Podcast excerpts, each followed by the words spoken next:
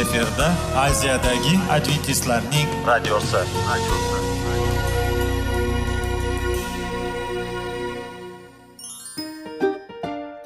assalomu alaykum radio tinglovchimiz dasturimizga xush kelibsiz va bizni tinglayotganingizga sizdan judayam minnatdormiz bugungi bizning dasturimizning nomi sog'liq daqiqasi deb ataladi va biz sizlarga bu dasturda mevalarning foydasi haqida so'zlab bermoqchimiz ya'ni uning tarkibi uning tarixini va foydali xususiyatlari haqida. Aziz do'stlar mevani iste'mol qilish kerak ekan va biz boshladik. Ketdik. Sog'liq daqiqasi soliqning kaliti qiziqarli ma'lumotlar faktlar. Har kuni siz uchun foydali maslahatlar. Sog'liq daqiqasi rubrikasi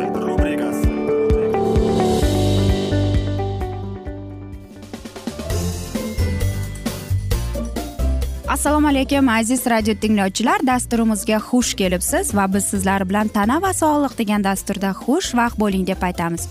Va albatta bugungi bizning dasturimizning mavzusi husnbuzarlarni davolash deb nomlanadi.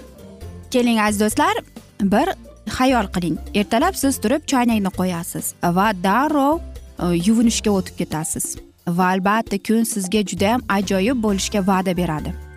Ammo lekin kuzgiga qarab va sizning yaxshi kayfiyatingiz yo'qolib ketadi. Ha aziz do'stlar buni husnbuzarlik kasali deb ya'ni o'rischalab aytganda buni akne deymiz. Bu yoshlarning kasalligi va albatta bizning tanamiz yuzimizdagi tanamiz yilga yil e, katta bo'ladi va hattoki qirq yoshda ham husnbuzarlar paydo bo'lib qoladi. Lekin ko'plab e, savollar borki qanday qilib biz ularni davolasak bo'ladi. Bilasizmi aziz do'stlar hattoki uy sharoitida ham mana shu husnbozorlardan qutulish mumkin. Bugungi dasturlarda biz sizlar bilan mana shuni haqida suhbat qilamiz. Albatta har bir inson jinsidan e, qat'iy nazar husnbozorlarni uy sharoitida davolash sirini bilishni kerak bo'ladi. E, ba'zan bir kunda yo'qotish kerak bo'ladi. Chunki ko'pincha oldinda muhim uchrashuv yoki tadbir kutayotganda bunday kutilmagan mehmon bu huzunbozorlar toshadi. Ularni yo'q qilish uchun ko'maklashadigan ba'zi e, retsept va vositalar mavjud. Husnbuzarni yo'qotish usullari juda ko'pdir. Uni yo'q qilish uchun ya'ni uni siqib chiqarish uchun avval uni qanaqa tipdaligini aniqlash kerak. Faqat yetilgan husnbuzarlarni siqish mumkin ekan. Buni bilish uchun yalliqlanish atrofni yengil bosib ko'riladi. Agar og'riq sezilsa demak hali vaqti emas. U yetilishni kutish kerak. Aks holda kichik husnbuzar o'rniga yirik shish paydo bo'ladi. Eng yomon holatda esa infeksiyaning tarqalib ketishi ham mumkin ekan. Bunda uchrashuv ham tadbir ham aniq qoldiriladi. Agar husnbuzar yetilgan bo'lsa paxta kattalashtiruvchi kuzgu dezinfeksiya qilib uni yetil spirt bilan olib yoki yorug'lik yaxshi tushishini ta'minlang. Infeksiyalash ehtimolini minimumga tushirish uchun yalliqlangan joyni spirt bilan arting. Shuningdek u bilan qo'llarga ham ishlov bering. Husnbuzar markaziga qarata ehtiyotkorlik bilan bosing. Lekin terining atrof qismlariga o'tib ketmang. Iringni itaruvchi kuch yog' bezi kanalning pastki qismidan berilishi kerak. Shunda uning tubida iringning qoldiqlari qolmaydi. Barcha iringni bir marotaba siqib chiqarishga harakat qiling. Natijada takroriy manipulyatsiyalar bilan terini yana jarohatlash kerak bo'lmaydi. Jarohat ustiga spirt bilan ishlov berish kerak. Aytingchi qanday qilib uy sharoitida biz husnbuzarlarni yo'qotishimiz mumkin? Ular uchun uyda niqoblar qilishingiz mumkin. Masalan qattiqli niqob. Sizga bir osh qoshiq qatiq kerak bo'ladi. Bir osh qoshiq suvli yormasi va ozgina limon. Tayyorlash uchun kefir va oldindan blenderda maydalab olingan suli yormasini aralashtiring. Bir tomchi limon sharbatini qo'shib tayyor aralashmani yigirma daqiqaga yuzga surtsangiz bo'ladi. Muolajani bir oy davomida har kuni takrorlab turing. Yana asalli niqob bor. Nima kerak bo'ladi? Ikki choy qoshiq sifatli asal bitta tuxum sarig'i limon sharbati bir necha tomchi. Tayyorlanishi E, barcha masalliqlarni yaxshilab aralashtiring. Tayyor bo'lgan e, bo'lgach darrov yuzga surting va o'n daqiqa davomida qoldirib uch to'rtta muolaja yetarli bo'lar ekan. Yoki e, kir sovun. Bunday olib qaraganda xo'jalik sovundan ham tayyorlangan niqoblar bo'ladi. Bir xo'jalik sovunni olib bir choy qoshiq mayda tuz. Sovni sovunni qirg'ichdan o'tkazib biroz suv qo'shib ko'pirtiring. Hosil bo'lgan ko'pakni Э, bir osh qoshiqda yetarli bo'ladi. Tuz bilan aralashtiring. O'ttiz daqiqaga yuzingizga qo'llab keyin yuvib tashlang. Muolajani haftasiga uch marta bir oy davomida bajarishingiz mumkin. Yoki husnbuzarlarni uy sharoitida davolash uchun tintinimalar bor. Albatta husnbuzarlarga qarshi turli tintinimalardan e, losyon sifatida foydalanishingiz mumkin. Ular bilan muammoli terini kuniga ikki marta artish kerak ekan. Husnbuzarni yo'qotish eng samarali xalqona vositalardan biri bu moychechak tindirmasi hisoblanadi. Bir choy qoshiq moychekka bir stakan qaynoq suv quyib o'ttiz daqiqaga qoldiring va suzib oling. O'zining yalliqlanishiga qarshi yuzning va tinchlantiruvchi xususiyatlari bilan ko'pchilikka tanish bo'lgan boshqa bir vosita bor bu aloe sharbati. Losyonni uchun yangi siqib olingan sharbatning o'zidan yoki suyultirgan misol uchun suv kartoshka sharbati bilan ikki bir qismda foydalanish mumkin ekan. Va bilasizmi husnbozorlarni davolash uchun juda ko'plab gellar malhamlar bor. E, lekin uni to'g'ri tanlash kerak. Masalan gellarning tarkibida antibiotiklar va gormonlar bo'lgan vositalari o'z bilishicha ishlatish kerak salomatlik uchun. Lekin to'g'ri tanlangan vositalarning ta'siri qanday bo'ladi? Va eng asosiysi husnbuzar toshganda ovqatlanish tarkibi. Buni e, ovqatni shoshmasdan yaxshilab chaynab o'z vaqtida kuniga kamida to'rt marta yeyishga odatlanishingiz kerak. Uyquga yotishdan oldin to'yib ovqatlanish juda zararli. Husnbuzar ko'p toshadigan kishilarda spirtli ichimlik yangi uzilgan non yaxshi hazm bo'lmaydigan taomlar tuxum yog'li go'shtlar qazi va xamir ovqatlardan voz kechib yog'siz go'sht qattiq suzma tvorog sabzavot vitamin b guruhiga kiradigan vitaminlarni yeyish kerak ekan.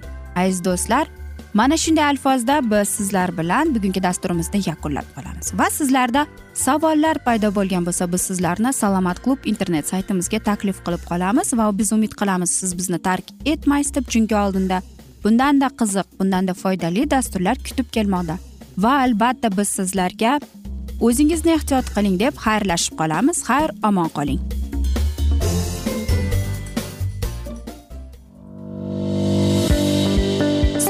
Daqiqasi. Soliqning kaliti. Qiziqarli ma'lumotlar faktlar. Har kuni siz uchun foydali maslahatlar. Sog'liq daqiqasi. Rubrikasi.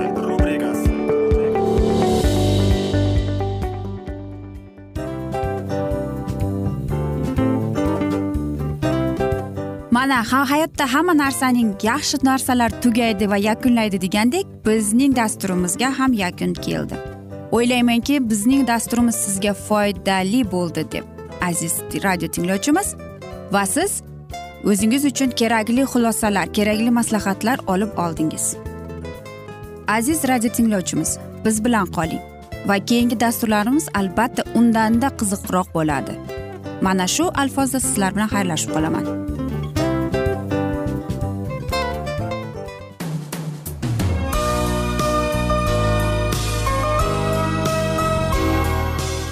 Efirda aziyadagi adventistlarning radiosi.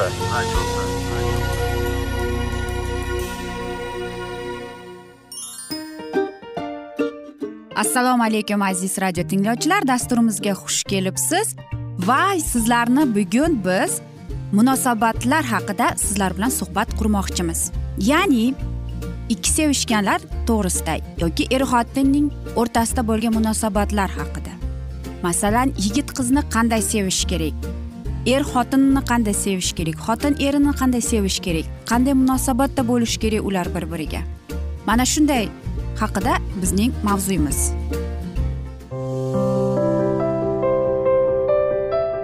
har kuni har xil kasbdagi odamlar bilan sirlashish va bo'lishish sevgi rashq munosabat bularni hammasi dil izhori rubrikasida.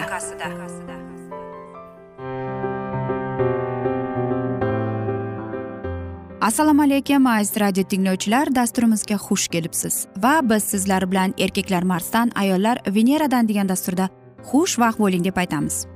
Va bugungi bizning dasturimizning mavzusi qanday qilib biz sevgi xatini yozsak bo'ladi deb nomlanadi.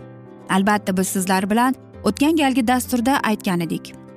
Qanday qilib sizning g'azabingiz kelib qolganda o'zingizning salbiy hislaringizni ushlab turish. Va biz aytgan edikki bir biringizga xat yozing deb. Va mana shu narsa bilasizmi eng yaxshi narsa ekan. Eng asosiysi siz xat yozayotganingizda yozing. Masalan aytaylik siz xat yozyapsiz. Siz unda ko'rsating g'azabnimi? Siz xafamisiz? Yoki tushkunlikka tushib qoldingizmi? Yoki qo'rqyapsizmi? Yoki pushaymondamisiz? Sevgini. Ikkinchisi esa bu javob bo'ladi. Unda siz bor narsangizni ya'ni turmush o'rtog'ingizdan nimani eshitishni xohlaganingizni yozasiz. Va uchinchisi ikkala xat bilan ham tanishib chiqasiz ya'ni turmush o'rtog'ingiz sizga yozgan xatni. Albatta bu e, aytaylik metodika juda yam ajoyibdir lekin agar siz mana shu narsalarni qilsangiz keyin siz ko'rasiz qanchalik mana shu narsa oddiy. Va sizlar ko'p narsalarga ahamiyat berib va o'zingizning munosabatlaringizni xulq atrofingizni o'zgartirishga yordam beradi. Birinchisi bu albatta xat yozayotganingizda shunday joyda tanlangki hech kim sizga xalaqit bermasin. Va siz xat yozishni boshlang. Har bir xat e, sevgi xatida siz o'zingiz unga bo'lgan g'azabingizni agar uni aytaylik tushkunlikka tushib qolsangiz sog'inib yoki aytaylik pushaymon bo'lyapsiz. Keyingina faqatgina oxirida sevgini aytasiz. Va albatta siz mana shu narsalarni yozayotganda aytaylik mana shu narsani yozayotganda aytaylik sizning turmush o'rtog'ingiz sizning umidlaringizni oqlamadi va siz unga achchig'ingiz kelyapsiz. Masalan u e'tiborli emas yoki u sizning qilayotgan narsalarini qadrlamaydi. Yoki siz uyda yolg'iz qolganingizda siz o'ylaysiz u doimo ish bilan band deb yoki u menga ishonmaydi deb. Siz qo'rqasiz. Nimadan? U meni hech qachon kechirmaydi deb. Yoki siz e, menga judayam chuqur e, hislari bor deb. Nima sizni pushaymon qilyapti? Masalan siz o'zingizni sevgingizni ushlab turibsiz. Unga nisbatan.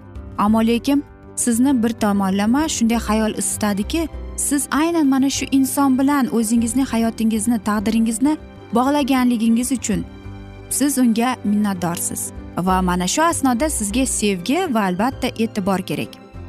Shuning uchun ham mana shunday to'liq chiroyli hislarni his etishni xohlayapsiz. Buning to'rtta aytaylik mana biz aytganimizdek etapi bor. Ya'ni bu g'azab achchiqlanish qo'rquv va pushaymonlik. Va siz agar mana shu narsalarni o'qib eshitib qilsangiz va siz yana o'sha insonga ya'ni turmush o'rtog'ingizga yana o'sha bo'lgan hislarni tug'dirishga yordam beradi. Xatni yozib bo'lganingizdan so'ng esa o'sha xatni turmush o'rtog'ingizga berasiz. Va siz tasavvur qiling qanchalik u sevgi va e'tibor bilan sizni tinglayapti birinchi siz o'z g'azabingizni ko'rsatasiz. Keyin unga bo'lgan tushkunligingizni keyin qo'rquvni va keyin pushaymonlikni va oxirida esa sevgini.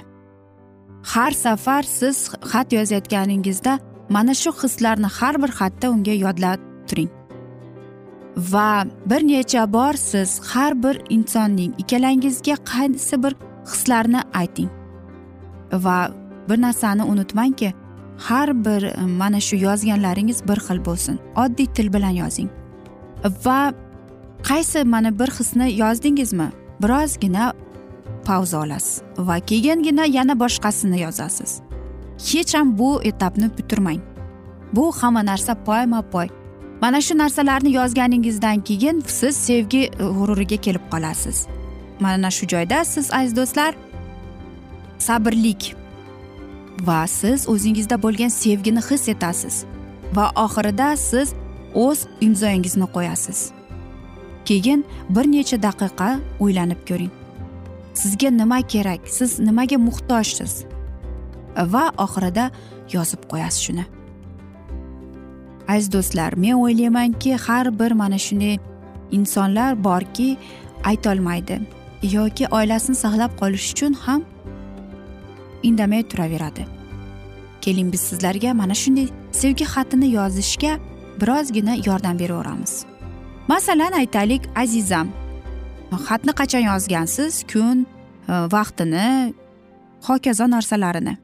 Va siz shunday deysiz men senga bu xatni yozishim sababi men o'zimning hislarim bilan sen bilan bo'lishmoqchiman. Ya'ni meni nima sen e, g'azablantiryapti deb aytasiz. Yozasiz menga yoqmaydi sen uni qilasan men va mana shunday narsalarni hokazo narsalarni. Yoki siz nega tushkunlikka tushib qolasiz? Masalan siz aytasiz men seni sog'inaman agar sen kun bo'yi ishda bo'lsang deb. Yoki nimadan qo'rqasiz? Siz aytasiz men e, seni haqingda tashvishlanyapman sen ishdan kech qolsang deb. Yoki nimadan pushaymonsiz bilasizmi? Shunday aytish kerak. Men uyatdaman. Men mana shu narsani qilganimga deb. Va oxirida bu sevgi. Va siz aytishingiz kerak men seni mana e, aytaylik mana shunaqa narsani yaxshi ko'raman yoki sen vaqtida uyga kelasan yoki vaqtida menga e'tiborni berasan. Men seni tushunaman men seni qadrlayman men senga minnatdorman va men bilaman deb turib oxirida siz yozishingiz kerakki bilasanmi men sendan mana shu so'zlarni eshitgim keladi deb. Va siz o'zingiz nimani eshitishni istasangiz o'shani yozasiz. Aziz do'stlar va men o'ylaymanki siz mana shu narsalarni o'ylanib ko'rasiz va mana shu metodika sizga yordam beradi deb. Chunki oila bu muqaddas narsa. Hech ham bir mayda chudanang orqasidan biz ajrashib yoki urushishning oqibatida kerak emas. Aziz do'stlar afsuski mana shunday asnoda biz bugungi dasturimizni yakunlab qolamiz. Ammo lekin keyingi dasturda albatta mana shu mavzuni yana o'qib eshittiramiz. Va men umid qilamanki sizlar bizni tark etmaysiz deb chunki oldinda bundanda qiziq bundanda foydali dasturlar sizni kutib kelmoqdalar. Va albatta aziz do'stlar sizlarga va oilangizga tinchlik totuvlik yuzingizdan tabassum hech ham ayrimasin deb sihat salomatlik tilagan holda aziz do'stlar hech ham unutmang seving seviling deb omon qoling deb xayrlashib qolamiz.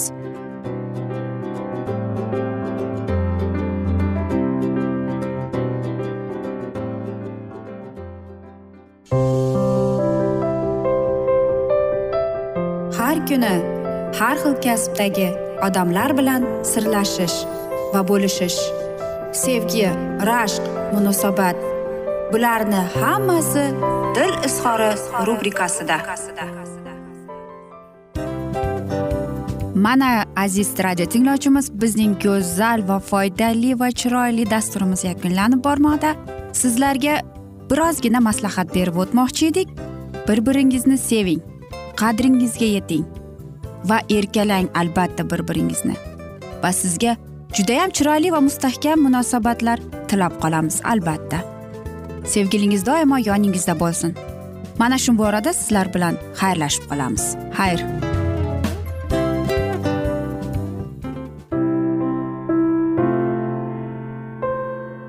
Hayotning noni. Qiziqtirgan savollar va javoblar. Buning hammasi ko'ngil uchun ozuqa rubrikasida.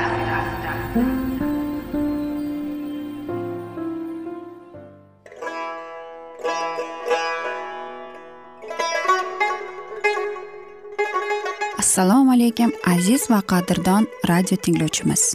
Dasturimizga xush kelibsiz. Bizni tanlaganingizga sizdan minnatdormiz. Va keyingi bizning e, mavzuyimiz diniy masalasiga kelib chiqadi. Albatta hayot davomida bizni ko'plab qiziqtirgan savollar bordir. Va mana shu savollarga qayerdan javob olsam ekan deb o'ylanib chiqamiz. Yoki hayotning ma'nosi nimada deb o'ylanamiz. Mana shunday dasturlar o'ylaymanki siz sizga foyda bo'ladi deb. Aziz do'stlar e, bugungi bizning mavzuyimizning nomi vahiy kitobning ochilishi. Ya'ni bu muqaddas kitobda shunday deb yozilgan. Vahiy kitobning bizga bo'lgan buyuk sovg'asi deb. Albatta mana shunday kitobni eshitib quloq solib e'tiborli bo'lsak biz o'zimizning qiziqtirgan hayotning ma'nosini tushuntirgan bizni kelajakda nima kutayotganini mana shu kitobdan bilib olamiz albatta. Va xudoyim bizga qanday rejalar ochgan bizga qanday kelajak kutayotganini aynan mana shu kitobda yozilgan va bizga mana shu kitob orqali xudoyim bizga aytib bergan. Keling aziz do'stlar mana shu kitobni e'tiborli va yaxshilab quloq solib va chuqurroq nazar solaylik shu muqaddas kitobga. Assalomu alaykum aziz radio tinglovchilar dasturimizga xush kelibsiz. Va biz sizlar bilan ulug' kurash degan kitobni o'qib eshittirayotgan edik va bizning bugungi dasturimizning mavzusi umid darakchisi deb nomlanadi va biz sizlar bilan o'tgan galgi dasturning mavzusini yana davom ettiramiz. Havoriylar jamoati butun dunyoni iymonga yuz tutirishi va masihning zaminning ming yillik hokimligi haqida ta'limot bermagan. Bu ta'limot o'n sakkizinchi asr boshlariga qadar masihiylar orasida keng tan olinmagan. Har qanday xato yoki yangilash fikrlash singari uning oqibatlari halokatli bo'lib keldi. Ana shu ta'limotga ko'ra odamlar rabbiyning kelishiga hali juda uzoq hodisa sifatida qarashgan va u yaqinlashib qolganligi belgilarining amalga oshayotganiga hech qanday e'tibor berishmagan. Bu hodisa odamlarda asoslanmagan bexavotirlik ishonchini uyg'otgan. Ko'pchilik rabiyni kutib olishga hech qanday tayyorgarlik ko'rmagan. Muqaddas bitik iso masihning shaxsan tom ma'noda kelishini aniq qilib ko'rsatib bergan. Pavlus shunday deydi chunki rabbimiz iso o'zi buyuk nido bosh farishtaning sadosi xudoning karnayi bilan osmondan tushadi deb va najotkor deydi. O'shanda inson o'g'lining alomati osmonda namoyon bo'ladi. Yer yuzidagi barcha qabilalar uvvos tortib yig'laydilar. Inson o'g'li osmon bulutlari uzra buyuk qudrat va shon shuhrat ila keladi deb. Chunki inson o'g'lining kelishi haqida sharqda chaqnab hatto g'arbda ham barchaga ko'rinuvchi chaqmoqday bo'ladi deb. U butun samoviy askarlar hamrohligida keladi. Inson o'g'li o'zining ulug'vorligida jamiki muqaddas farishtalari bilan birga kelgan paytda o'zining ulug'vor taxtiga o'tiradi deb. U mahobatli karnay tutgan farishtalarni yuboradi. Ular esa uning tanlagan kishilarini osmonning bir burchidan boshqa burchigacha to'rt tomondan to'plab keladilar. Iso olamga qaytib kelganda solihlar tiriladilar tiriklar esa o'zgaradilar. Hammamiz o'lmaymizu deydi pavlus. Ammo hammamiz o'zgarib ketamiz. To'satdan ko'z ochib yumguncha oxir zamon karnayi chalguncha o'zgarib ketamiz.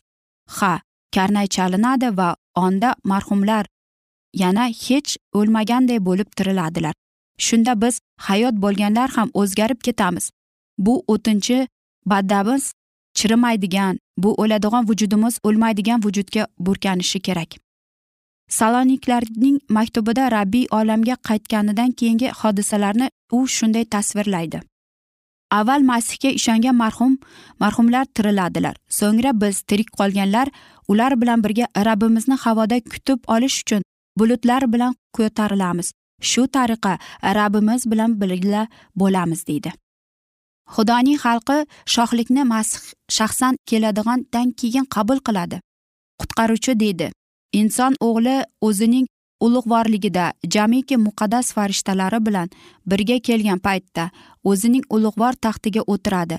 Barcha xalqlar uning huzuriga to'planadilar. Cho'pon qo'ylarni echkilardan ajratmaydigan masih ularni birma bir saralab qo'yadi. Qo'ylarni o'zining o'ng tomoniga echkilarni esa chap tomoniga turg'izadi. Shunda podshoh o'ng tomondagilarga aytadi ey mening otamning olqanlari kelinglar dunyo yaratilgandan beri sizlar uchun meros sifatida tayyorlab qo'yilgan shohlikni egallaysiz. Muqaddas bitiklarning yuqorida keltirilgan parchalarida shu narsa ayon bo'ladiki inson o'g'li olamga qaytib kelganda marhumlar endi o'lmas bo'lib tirilib tiriklar o'zgarar ekanlar odamlar bilan yuz bergan shunday katta o'zgarishlar ularni shohlikni qabul qilishga tayyorlaydi. Zero pavlus shunday degan. Ey birodarlar sizlarga shuni aytamanki foniy maxluqqa ya'ni et va qonga xudoning shohligidan meros nasib etmaydi. O'tkinchi maxluq o'lmaslikdan ulush olmaydi. Inson hozirgi asl holatida o'lik hisoblanib o'limga mahkum qilingan. Ammo xudoning shohligi o'lmaydi abadiy tirik qoladi. Ammo iso masih kelganda u o'z xalqiga abadiy hayotni inom qiladi va uning o'zi ular uchun hozirlab qo'ygan shohlikni qabul qilishni taklif etadi. Muqaddas bitiklarga keltirilgan oyatlar shuningdek boshqa matnlar ham miller uchun masihning kelishidan oldin hamma kutgan hodisalarning isboti ya'ni buyuk rohat farohat va xudo shohligining o'rnatilishi haqiqatdan ham masihning olamga ikkinchi bor qaytishidan keyin yuz beradi. Qolaversa vaqt belgilari va dunyoning holati so'nggi kunlarda tasvirlab berilgan bashoratiga nihoyatda mos keladi. Birgina muqaddas bitikni taqiq qilib chiqib u quyidagicha xulosaga keladi. Hozirgi holatdagi foniy dunyoga ajratilgan vaqt yakunlanib qolgandi. Menga shuningdek deb yozadi miller muqaddas bitikning xronologiyasi nihoyatda kuchli ta'sir etdi. Bashorat qilingan o'tmish voqealari ko'rsatilgan vaqtga amalga oshgani meni men aniqlab bilib oldim. Tufondan bir yuz yigirma yil oldin. Tufon boshlanishidan oldingi yetti kun va qirq kechayu qirq kunduz davom etgan yomg'ir.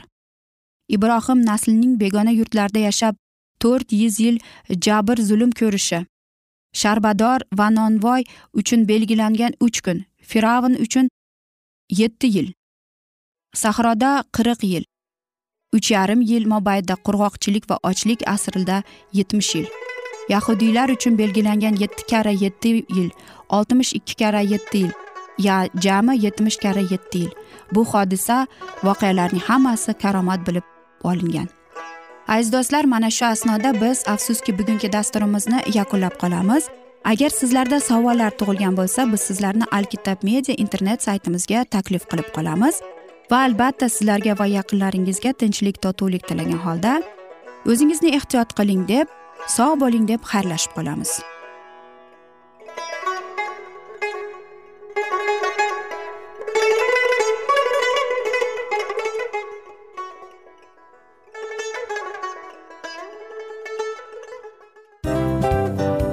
Mana aziz radio tinglovchimiz hamma yaxshi narsaning yakuni bo'ladi degandek bizning ham dasturlarimiz yakunlanib qolmoqda. Aziz do'stlar o'ylaymanki bizning dasturlarimiz sizlar uchun judayam foydali bo'ldi deb. Bizning dasturlarimizdan siz o'zingizga foydali va judayam kerakli maslahatlar oldingiz deb. Masalan sog'liq borasida. Biz sizlarga sog'liq tilaymiz albatta lekin bizning maslahatlarimizga ham amal qilishga unutmang. Munosabatlarga kelganda bu munosabatlar chuqur va yaxshi bo'lishi uchun uni ustidan ishlash kerak albatta. Diniy masalaga kelsak aziz do'stlar bu judayam jiddiy va chuqur nazarni talab qiladi. Ammo biz sizlar bilan xayrlashib qolmaymiz keyingi dasturlarda eshittirishimizni davom ettiramiz va sizlar bilan mana shu yaxshi kayfiyatda xayrlashib qolamiz. Va keyingi dasturlarda ko'rishguncha xayr!